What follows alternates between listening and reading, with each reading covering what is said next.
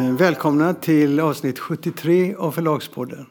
Och det är lite speciellt läge. Eh, vi sitter i en tid då vi inte vet vad som ska hända från dag till dag. Vi, vi sänder ju på måndag och idag är det tisdag.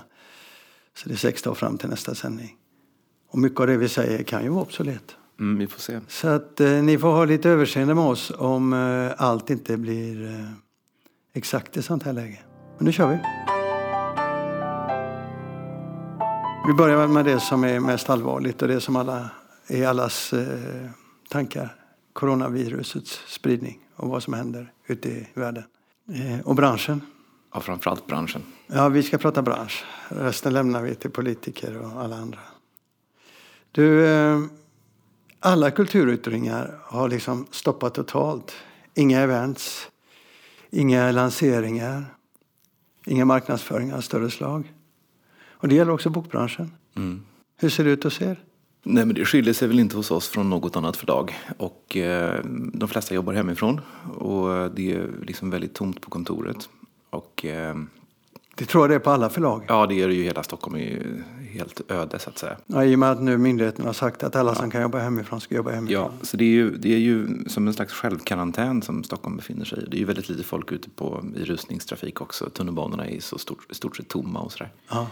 Eh, så det, det skiljer sig väl inte från oss, från något annat förlag. Men den stora frågan är hur det här påverkar försäljningen. Vi vet ju inte riktigt hur svenska eh, bokhandlare gör egentligen. Vi vet att eh, till exempel i USA så stänger de ju ner boklådor. Och det där kan vara en tidsfråga innan samma sak sker i de svenska boklådorna. Vad vi vet just nu det är ju att försäljningen har liksom totalstoppat. I bästa fall har man kassor runt 40 procent av vad man normalt brukar ha men på många ställen är det 20-30 procent. Så att, som sagt, det där är nog bara en tidsfråga innan man också börjar stänga ner i eh, Sverige. Amerikanska boklådor uppmanar ju sina kunder att istället beställa böckerna digitalt. Jag såg att Sö- Söderbokhandeln i Stockholm hade gjort ett liknande, en liknande sak där de skrev på Facebook att för er som känner obehag med att komma till bokhandeln kan ni beställa av oss och vi skickar hem böckerna till en mycket liten fraktkostnad. Och så. Men det där kan också vara en eh, situation som snabbt ändrar sig.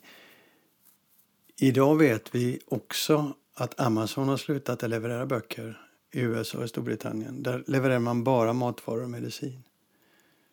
Så även den digitala försäljningen kan ju komma att stoppa. Hur kommer det här att påverka ljudbokslyssnandet då? Ja, man skulle ju även där kunna tänka sig att det skulle kunna ske, i alla fall i teorin, en kraftfull ökning. Eh, men eh, hittills så, det- för oss är det lite svårt att mäta för vi jämför ju då med föregående period förra året. Eller samma period förra året. Och eh, det är alltid lite svårt att säga för att vi hade, alltså vad, vad beror det på om man har mindre antal lyssningar i år och sådär. Men vi, har, vi ligger lite lägre i år. Ehm, vi har haft ganska svagt tycker vi de senaste veckorna och vi tror att det är en coronaeffekt. Men eh, det är lite för tidigt att säga. Men där, vad vi däremot vet det är ju att ljudbokslyssnandet är ganska starkt knutet till vardagsaktiviteter. Folk lyssnar när de är på väg till jobbet, folk lyssnar när de gör det på gymmet, när de gör olika saker. När allt det där bryter sönder så, så tror jag att det kortsiktigt kan ha en ganska negativ effekt på lyssnandet också. Och när folk är hemma, eh, när de ligger i soffan så tittar de kanske på Netflix sn- snarare än att de lyssnar på en ljudbok. Samtidigt om, om de här karantänerna fortsätter eh, under en längre period så tror jag att folk hittar in i nya vardagsrutiner. Länge sedan vi pratade om Stordalen. Nu är ju läget sånt att vi bör göra det. Ja, jag tycker faktiskt det också för det har ju varit en, var ju under en lång tid en återkommande punkt i podden. Ja, han är lika intressant fortfarande. Men nu är det lite skakigt. Där han är stark, hotellen och resor med Ving, är ju de stora krisbranscherna just nu. Ja, Och han är utsatt för en otrolig press. ja. Och han är intervjuad i bland annat i Svenskan och i finska huvudstadsbladet. Eh, Eh, och du tyckte att det var en bra artikel i Svenskan för den visar lite siffror också. Nej, men jag tycker att det är väldigt fascinerande. Alltså det finns, i, I vårt samhälle så är vi ju väldigt... Eh, vi har väldigt mycket respekt. Eh, men framförallt har vi människor som har mycket pengar. De, på något sätt så slutar ju folk att tänka. För att vi, har, vi är så imponerade av folk som har mycket pengar. Jag, jag tyckt att det ibland med Stordalen ställs väldigt få kritiska frågor. Det, var- ju den där intervjun med eh, Ben Jalloul Lidén var ju väldigt bra. Mm. Men annars kommer han ju ofta väldigt lätt undan med floskler. Och det gör han nu också, därför att nu, nu, nu får han säga om och om, om igen att kriser är jag van vid. Jag har varit med om stora kriser. Jo. Och det är då man kan göra Fast enorma nu tror, nu tror jag inte han har så mycket mer att säga. Men vad, vad den här eh, artikeln i Svenskan gjorde, det var att de för första gången tog reda på lite siffror. Och siffrorna för, för eh, Nordic Choice 2019 är ännu inte offentliggjorda. Men 2018 så omsatte hela koncernen, alltså alla bolagen, enligt den här Svenska Dagbladet-artikeln 11 miljarder och gjorde en vinst på 168 miljoner. Ja, det är inte mycket att komma till stånd på. Nej, alltså det är ju väldigt lite. Eh, och soliditeten var ganska låg också. Så det är klart att det måste ju vara väldigt svettigt nu. Ja, och du hade hört lite rykten på stan. Ja, det är många som, nu, nu vet vi ju, när vi spelar in det här så har ju 3000 permitterats. Eh, jag känner folk som har fått sluta och eh, efter att det här spelats in så har det kanske hänt väldigt mycket mer. Det är klart att man måste dra ner han är utsatt för en, en, en rätt hög press idag ekonomiskt. Frågan är vad kommer det göra med förlagen? Ja, det vet vi ju inte. Och det ska ju sägas att förlagen, eh, som enligt artikeln då, gjorde, gjorde förluster i, även i Norge, eh, det är ju småpengar i sammanhanget. Men när någonting blöder så kan man ju tänka sig att han kanske väljer att rädda det som, som ligger honom närmast. Och det kanske inte är förlagen. Så att det, den här pengakranen som, som verkade vara helt totalt öppen, den kanske inte är lika öppen längre. Nej, det tror inte jag. jag hade jag suttit på jordgubbarna nu så hade jag varit lite bekymrad. Eftersom hela deras strategi går ut på att de ska få pengar så att de kan överleva ett par år utan vinster. Om det inte finns några pengar då så blir det jävligt jobbigt. Ja, och också att det ska finnas pengar till att köpa väldigt stora fattarskap. Ja. Eh, jag hoppas ju att eh, de klarar sig. För jag tror att branschen behöver dem.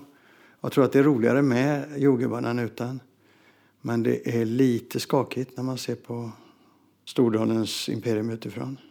Får jag lägga, lägga till en moraliserande slutsats? Ja. Man ska alltid vara försiktig när någon kommer och vill pumpa in pengar i bokbranschen. Det har du alltid sagt. Ja, Eh, därför att det är roligt och lätt att göra av med andra människors pengar men till slut så tröttnar den här personen och är det inte någon som har varit väldigt länge i bokbranschen så finns kanske inte alltid den här uthålligheten. Jag tror att eh, Gotkind, Bonniers satsning i, i Danmark, den, den är långsiktig och den är, den är på riktigt liksom. Eh, men, men eh, när det kommer miljardärer som Thomas Fischer en gång i tiden med författarförlaget så eh, även om de inte hamnar på obestånd så har de en tendens att tröttna. Alltså de här pengarna då som, som eh, satsningarna på Strawberryförlagen i Sverige, Norge och Danmark, där finns ju också en verksamhet, kostar är ju fortfarande småpengar. Så att det är klart att, och han har ju, utöver den här Strawberry-gruppen så har han också något privat bolag med lite fastigheter i. Och jag tror att han mycket väl kan driva det här vidare liksom, vid sidan om Eh, så att egentligen så tror jag inte att det finns någon eh, anledning till att oroa sig för att Stordalen inte skulle kunna ha pengar. Men det är klart att när en sån här så stor, stor sak händer och hela hans imperium är skakat i sina grundvalar så är det ju inte säkert att han tycker att förlagen är det viktigaste att satsa på, även om det är små pengar i sammanhanget. Så det, det har ju verkligen ändrat liksom hela, hela kartan här.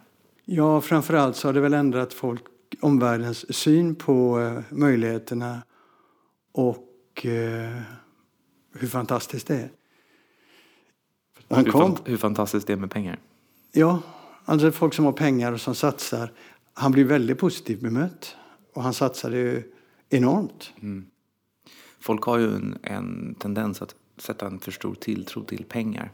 Ja, så är det. Men nu så tror jag att det faller när han hamnar i en sån situation som han gör nu i, i, i den utveckling vi har så tror jag att folk kommer titta lite mer kritiskt på Stordalens satsningar och vara lite försiktigare när de uh, tokhyllar. Ja. Du fick ett argt brev för ett tag sedan från Författarförbundet. Ah, ska vi prata om det här? Ja, ska vi göra. Ja, um, jag vet inte. Jag vet inte riktigt vad jag ska säga. Det är så här att världsbokdagen är ju snart. Och eh, Bokhandlarföreningen har gått samman med eh, ett antal förlag om att satsa på författarbesök i bokhandeln för ungdomar där man ger, ger bort böcker, deras ja, böcker. Man talar om, inte världsboksdagen, utan världsboksveckan. Eh, och det är en ganska stor satsning då som går ut på att man ska skicka ut barnboksförfattare till bokhandeln, den lokala bokhandeln. Och där ska de träffa, eh, jag tror att det är tre eller fyra skolklasser. Per författare? Per författare. Eh, och idén är, och sen så ska förlagen ge bort eh, en bok per författare i 517 ex eller någonting sånt. Så varje skolklass ska få en hel låda med böcker. Och eh, tanken är naturligtvis att man ska sprida läsning, att, författ- att eh, barnen ska få träffa en författare och inspireras av det, men också att barn ska komma till bokhandeln, för det är många som inte går till bokhandeln. Mm. Det, är, det är kommersiellt drivet, men ett ideellt projekt som syftar till att sprida läsning. Och så får då författarna en ersättning på 5 000 kronor? Författarna får en engångsersättning på 5 000 kronor och sen så står förlagen för deras resor och sen står förlagen också för de här böckerna då förstås. Ja, men författarna får ingen eh, royalty på just den delen av upplagan? Nej, det är ju böcker som ges bort gratis. Ja. Och så ser ju många eh, avtal ut idag. När det gäller sådana kampanjer så är det redan reglerat i avtalen med författare. Ja, friex och sånt betalar ju förlagen ja. aldrig, aldrig royalty på. Nej. Men då har Författarförbundet eh, blivit irriterade därför att författare har av sig till dem? Ja, de har skickat ett argt brev till alla förlag som samarbetar med Världsbokdagen och det är ganska många förlag, i stort sett alla förlag som ger ut barnböcker i Sverige. Och då har de skickat ett ganska argt brev eh, där de anklagar förlagen för att inte stå upp för författarna och för att utnyttja författarna och eh, frågar varför vi, eh, vad vi har för policy i de här sammanhangen, varför vi anser att författarna ska jobba gratis, varför vi inte betalar dem en skälig ersättning och varför vi inte har för avsikt att betala royalty på de här böckerna. Hur reagerar du då?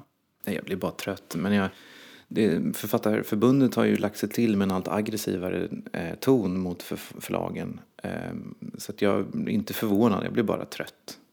Jag, blir mest, jag, jag tycker de också är tondöva. Eh, att de inte fattar. Det här är det här är marknadsföringsprojekt, kan man kalla det. Alltså att stimulera läsandet. Förlagen tjänar ju inte en spänn på det hela. Nej, förlaget tjänar inte en spänn och vi har lagt ner ganska mycket tid på det här. Ehm, det har tagit mycket mer tid av mig personligen än vad jag hade tänkt. Ehm, och eh, Akademibokhandeln som ju är de som driver det här eh, alltså det drivs ju av lokala bokhandlare också. Det är de, som, de, de kommer ju jobba jättemycket. Men alltså Akademibokhandeln har ju lagt ner rätt mycket jobb på det här och, och, och pengar på det här också. Liksom för att samordna allt och ta fram material och information. Och så, här. så det är ju det är en stor, liksom, för, både förlag och bokhandel har ju lagt ner väldigt mycket pengar och tid på det här. Mm. Och eh, även om de inte får en stor ersättning så får de en liten ersättning för författarna. Ja, absolut.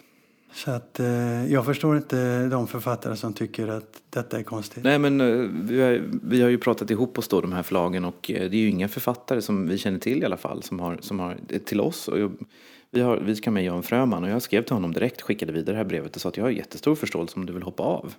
Eh, men, men, men eh, förutsättningarna var ju de här som vi talade om. Och, och sen har jag också, men det verkar inte som att det är författarna som har varit upprörda i alla fall. Eh, det kan ju ha varit någon som hört av sig, jag vet inte. Men det, vad, vad det handlar om det är ju liksom fackligt arbete. De tycker ju på, på Författarförbundet och det är väl inte orimligt att författare får ju väldigt mycket förfrågningar idag om att åka ut och prata och föreläsa och, och ans, antas göra det gratis hela tiden. Eh, och jag förstår att man inte vill eh, på bibliotekssidan exempelvis. Många författare har ju levt mycket, mycket på att man får biblioteksersättning och så. Ehm, och eh, då vill man inte liksom slå sönder den prisbilden.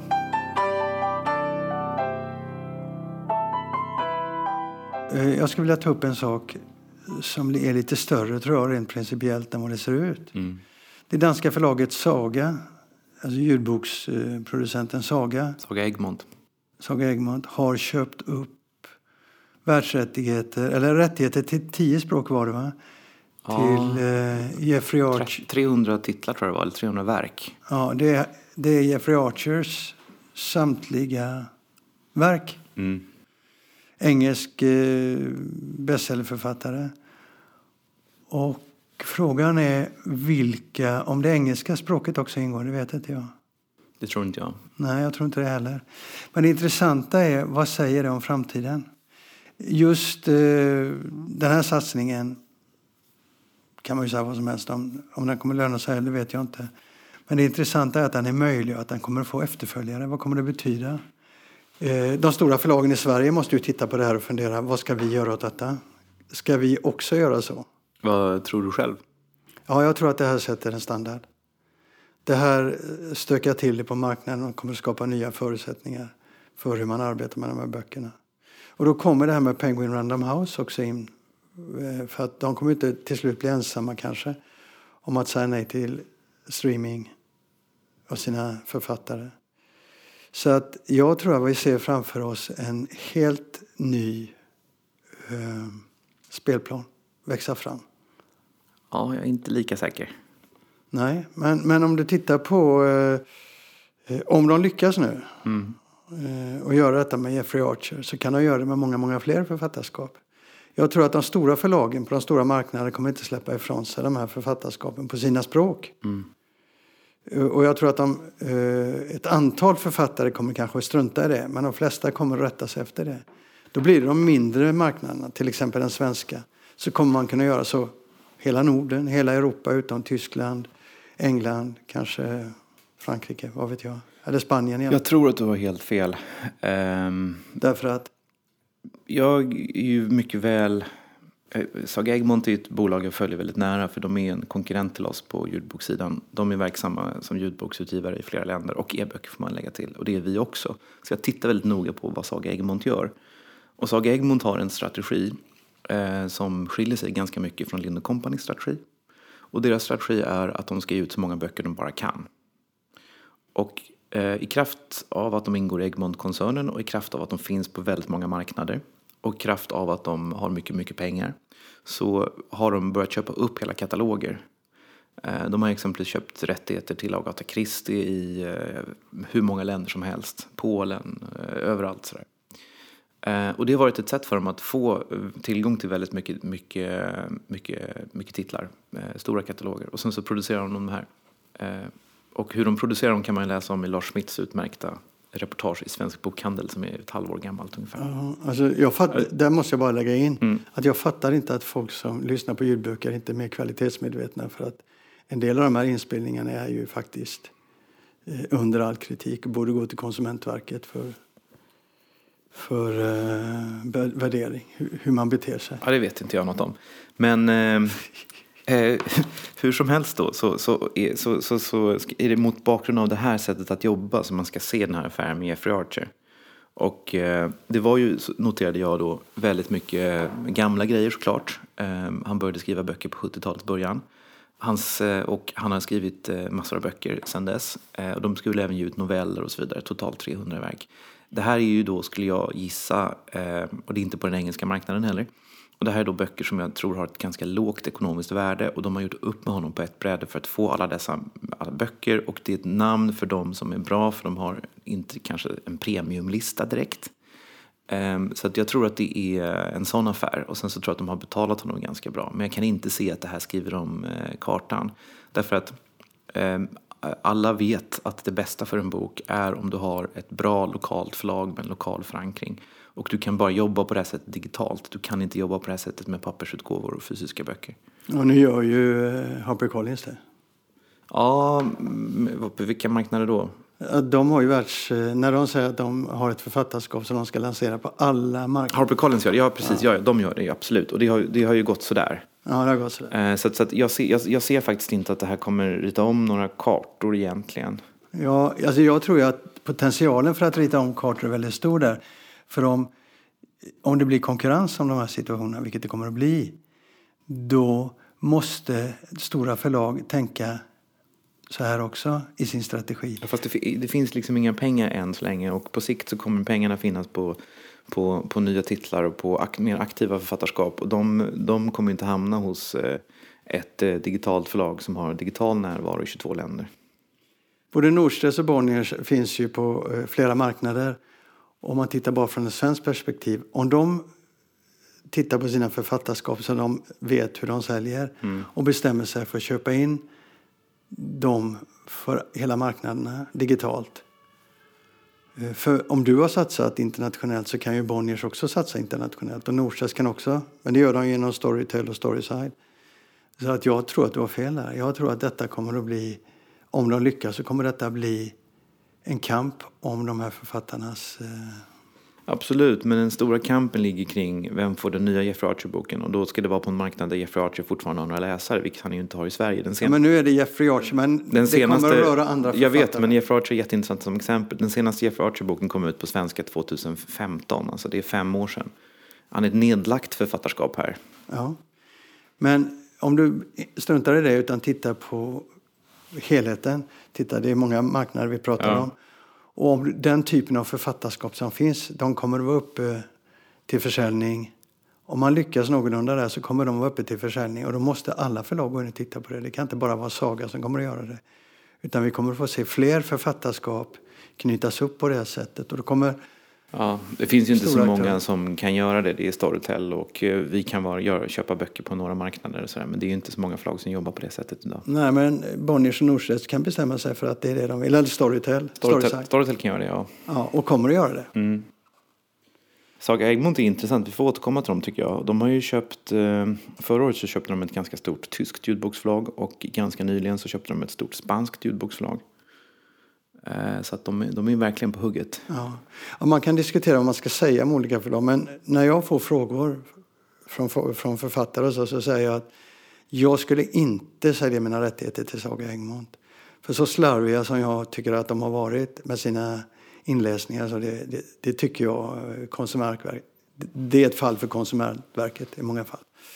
Du får säga vad du vill men, men jag tycker, du vill inte säga det men jag säger det. Jag, jag vet ju böcker som de har gett ut. Så plötsligt så kommer det en halv bok och sen så kommer det ett kapitel ur en annan bok. Och ja, jag tycker inte om att kon kon kommentera konkurrenter men jag har stor respekt för deras eh, eh aktivitet och, och deras eh, liksom, eh, expansionism. Och så det, det, är ju spännande det som händer på Saga Egmont. Därför tycker vi ska följa dem. Men eh, eh, Jeffrey Archer, du känner, känner du till hans historia? Nej. Den, den är faktiskt för bra för att inte nämnas. Jeffrey Archer har en bakgrund som eh, politiker. Och eh, han var konservativ member of parliament. Under Margaret Thatchers tid så satt han till och med i partistyrelsen.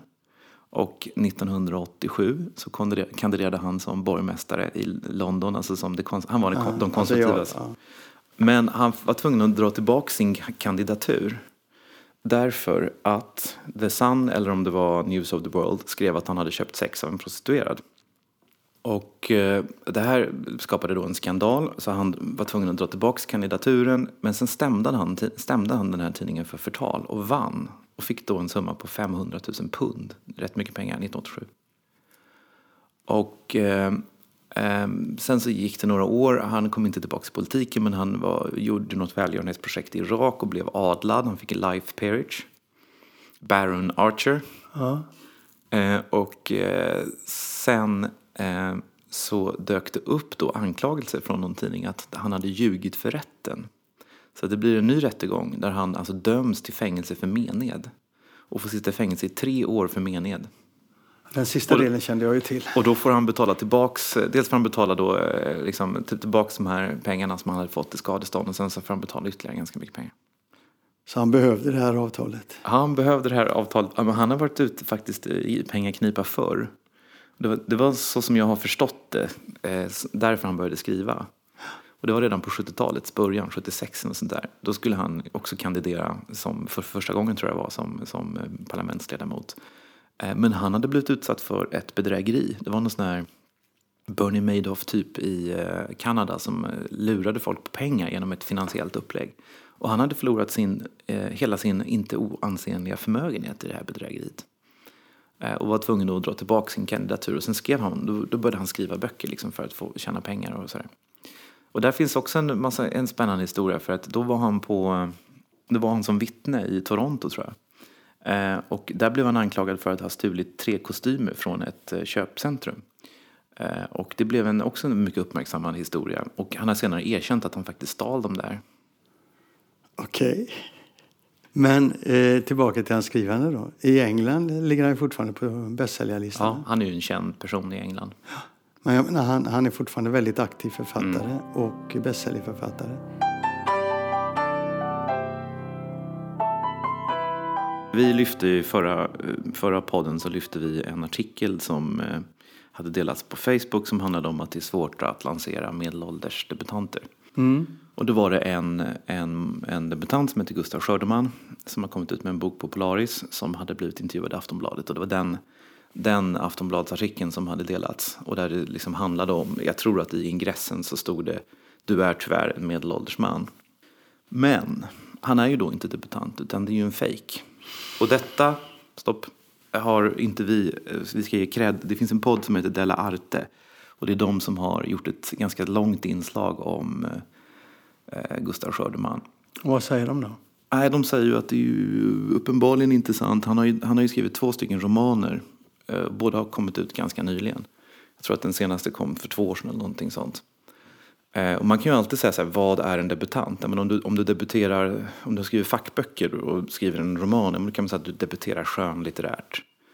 Eh, men om du har skrivit två romaner tidigare och sen skriver en, en roman till, ja kanske du kan säga att du debuterar en ny genre. Men att lansera dig som en debutant då, det är ju tveksamt.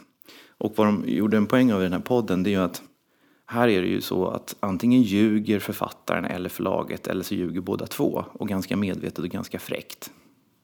Ja, nu är ju eh, Axelsson, eh, Jonas Axelsson som är chef, chef, för Polaris. Han är ju rätt fräck när det gäller sådana här frågor. Eh, han har ju varit med länge och eh, är väldigt rutinerad på det här området. Och han tillhör ju de som vet vad en debutant är. Så jag frågade honom. Du, där med debutant, det var ju uppenbarligen inte sant. Eh, vem var det som lanserade honom som debutant? Mm. Det var ju Jonas som hade gjort det. Eh, och han menar på då att jag gjorde det därför att han har kommit ut med grafiska noveller. Eh, ja, men du och jag, sa jag då till honom, vi som har varit med så pass länge, vi vet ju att begreppet debutant är, användes för, för en debutant. Nu använder man ju det lite grann som det passar. Eh, du är inte ensam om det, sa jag. Men eh, det, det, är, det är att relativisera begreppet debutant, för han är uppenbarligen inte en debutant. Men då menar han det, han är debutant i den genren. Ja, och det är ju ett väldigt elastiskt sätt att förhålla sig till ja, sanningen. Men, men det är också, mm. det är också Jonas som har sagt till honom det att mm. eh, tyvärr är du en vit medelålders man och det är svårt att... Jo, men och det har ju du också sagt, de, det är svårt. Jo, men vi, absolut. Men, men vad, de, vad de gör en poäng av i den här eh, Della Arte-podden då, det är ju att de, han har ju antagligen den här artikeln som vi lyfter fram som en intressant artikel om ett fenomen som jag kan känna igen mig i, är ju antagligen bara en del i deras PR-kampanj. Så är det ju. Där de ju uppenbarligen då ljuger. Eh, så det är ju, det är ju eh, ja, lite, ja, du kan ju, eh, lite dåligt tycker jag. Alltså jag tycker också inte att, jag tycker inte det är schysst att kalla honom för debutant. Och jag, och också så här, jag har ju kollat upp då, både på förlagets hemsida och jag har hållit i boken och sådär. Och det, de lyfter ju fram även där. Alltså det är inte bara så att de drar, drar, spelar ut det här debutantkortet lite grann PR-mässigt. Utan det står ju på boken att det är en fantastisk, underbar eh, mm. spänningsbok för alla eh, spänningsälskare av debutanten Gustav Skördeman. Han är en väldigt rutinerad debutant kan man då säga. Mycket. Han har skrivit fler böcker förutom de där grafiska romanerna då. Vet du det? Alltså, inte fler böcker, man har skrivit, han har skrivit om serier en hel del. Och han har deltagit i olika antologier och så. Det är för sig inte. Sen har han skrivit manus för tv och film som jag förstår. Ja, men han är en väldigt rutinerad eh, eh debutant. Mm. Nej, jag, jag, tycker inte man ska använda ordet debutant på det sättet. Men, men Jonas Axelsson gör ju det i PR-syfte. Och det är också i PR-syfte han har, eh, tror jag, lanserat det. Du är en vit medelålders man. Han vet ju vad eh, Aftonbladet och de går på. Mm. Så vi får väl eh, ställa oss till de som har blivit lite förförda utav denna PR-kampanj. Vad vi vet idag är att han har gett ut en roman, så står den i alla fall registrerad som på, Libris. Som heter McFuckers som kom ut för 2017. 253 sidor och tryckt på Skambok. Och då är det inte en serieroman. Det kan ju vara det, men Scambook har ju eh, en rullpress. Man trycker inte med fördel illustrationer där. Men, men eh, det kan man göra. Den, den är klassificerad som en roman i alla fall.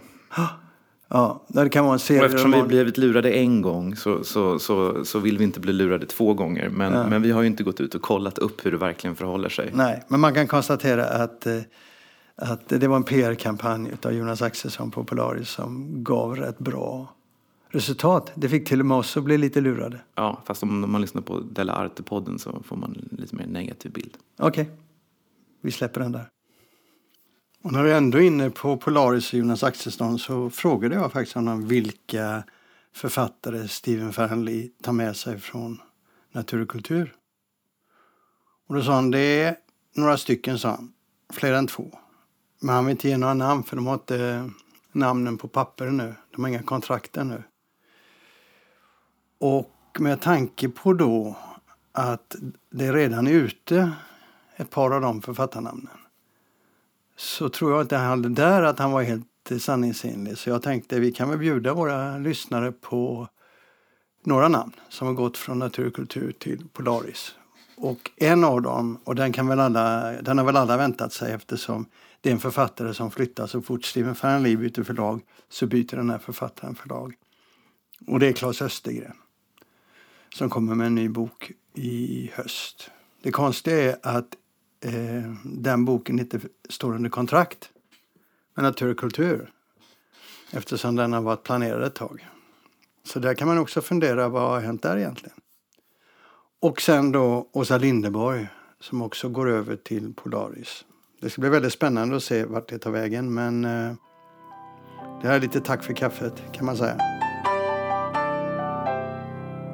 Vi tar bara sådana här roliga frågor idag. Då. Vi måste ju prata lite om utgivningen av Woody Allens memoarer. Mm. Eh, jag tycker det är viktigt, en rent principiellt viktig fråga att diskutera.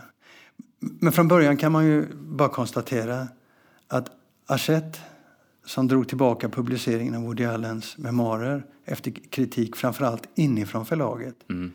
Då deras imprint Little Brown som hade publicerat eh, vad heter han, Ronan Farrows bok Fånga och döda som har blivit en stor bok inom metoo-rörelsen och som pekar ut Woody Allen och andra makthavare hur de betett sig.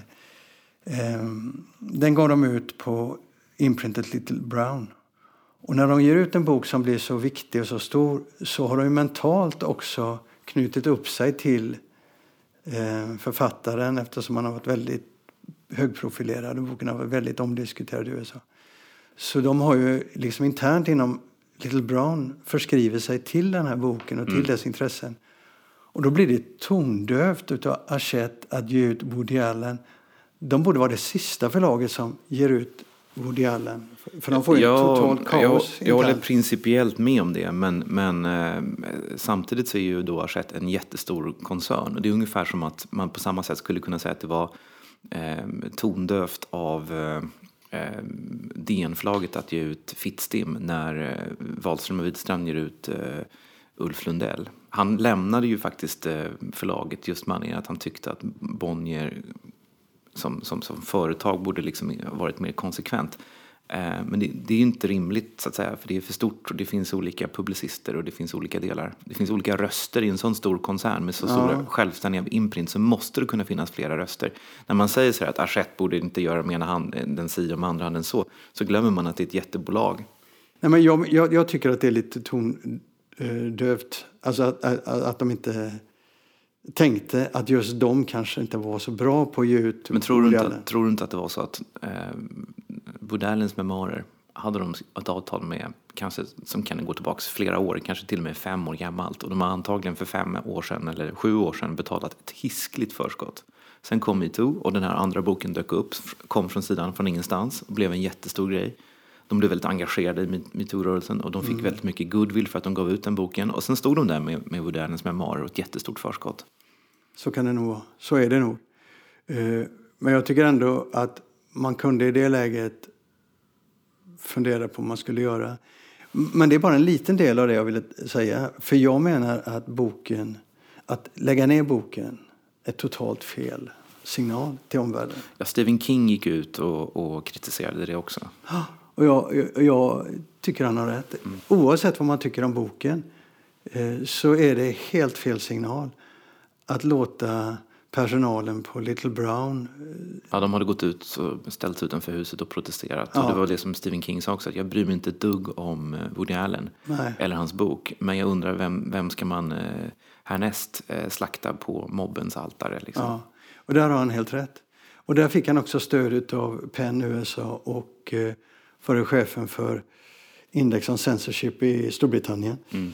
eh, som gick ut och skrev om detta. Också menar på att detta är ett mobbeteende som eh, är farligt. Sen tycker jag också rent eh, publicistiskt och etiskt så är det ju själva grundfrågan är ju intressant. Därför att hur, man, hur, man, hur jag än vrider och vänder på det kan jag inte se att det är fel att ge ut Woody Allens memoarer. Inte jag heller. Eh, och, alltså, om man, liksom, om man liksom försöker ställa sig, vad handlar frågan om? Jo, han har då blivit anklagad för sexuella övergrepp på sin stuvdotter Eva. Och eh, detta har, det en, ligger långt tillbaka i tiden, det är väl nästan 30 år gamla anklagelser. Eh, polisen har utrett de här grejerna två gånger, det har aldrig lett till någon, eh, något åtal. Um, och det är ord som står mot ord i stort sett. Uh, hans son har väl tagit stuvdotterns parti och sådär. Men, men det är en väldigt liksom, komplicerad situation. Extremt men, komplicerad och minerad mark. Men det är en svår in, fråga. Men att man inte skulle kunna ge ut en bok av en person som, för, som är anklagad för sexuella övergrepp är ju helt osannolikt. Alltså, om, om, om man tänker efter vad det innebär liksom, yttrandefrihetsmässigt, publicistiskt, etiskt. Ja, nej, men där är vi överens. Det kanske inte är bra för själva poddens eh, framåtrörelse. Men vi är överens här helt och hållet.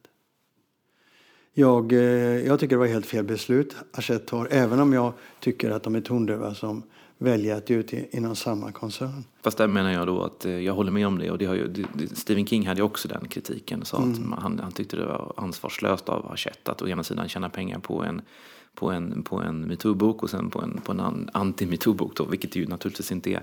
Eh, men där tror jag att förklaringen är nog att de hade avtalet med Woody Allen långt, långt tidigare. Och mm. att det är så pass stora organisationer där så att man, man, man pratar inte ihop sig. Nej. Det som är bekymmersamt är att vi får fler och fler sådana här affärer eller frågor. Och vad vi ser är att yttrandefrihetsbegreppet blir kringskuret framför allt utav människor som man trodde skulle vara de som ser att det är otroligt viktigt för dem att det hålls uppe yttrandefriheten och tryckfriheten. Att vi inte börjar begränsa den på det här sättet. Nej, man brister i, konsekvenstänk när man tycker att yttrandefriheten inte ska omfatta de som, säger, de som representerar något man själv inte tycker om eller någon som representerar något som är obehagligt. Ja, eh, det senaste vi hörde var ju då att man tänker ut den i Frankrike men vi vet ju inte riktigt vad det Nej. kommer att sluta. Har du hört att jag har köpt den? Han kommer hit till bokmässan. Så vi ska lansera det? Du har köpt den? Han ska vara på Lasses bokscen. Ja, jag är beredd. det vore lite kul faktiskt. Säkert en bra bok. Om det är kul det vet jag inte, men det är väldigt intressant. Mm. Om så sker. Nej, skojar bara.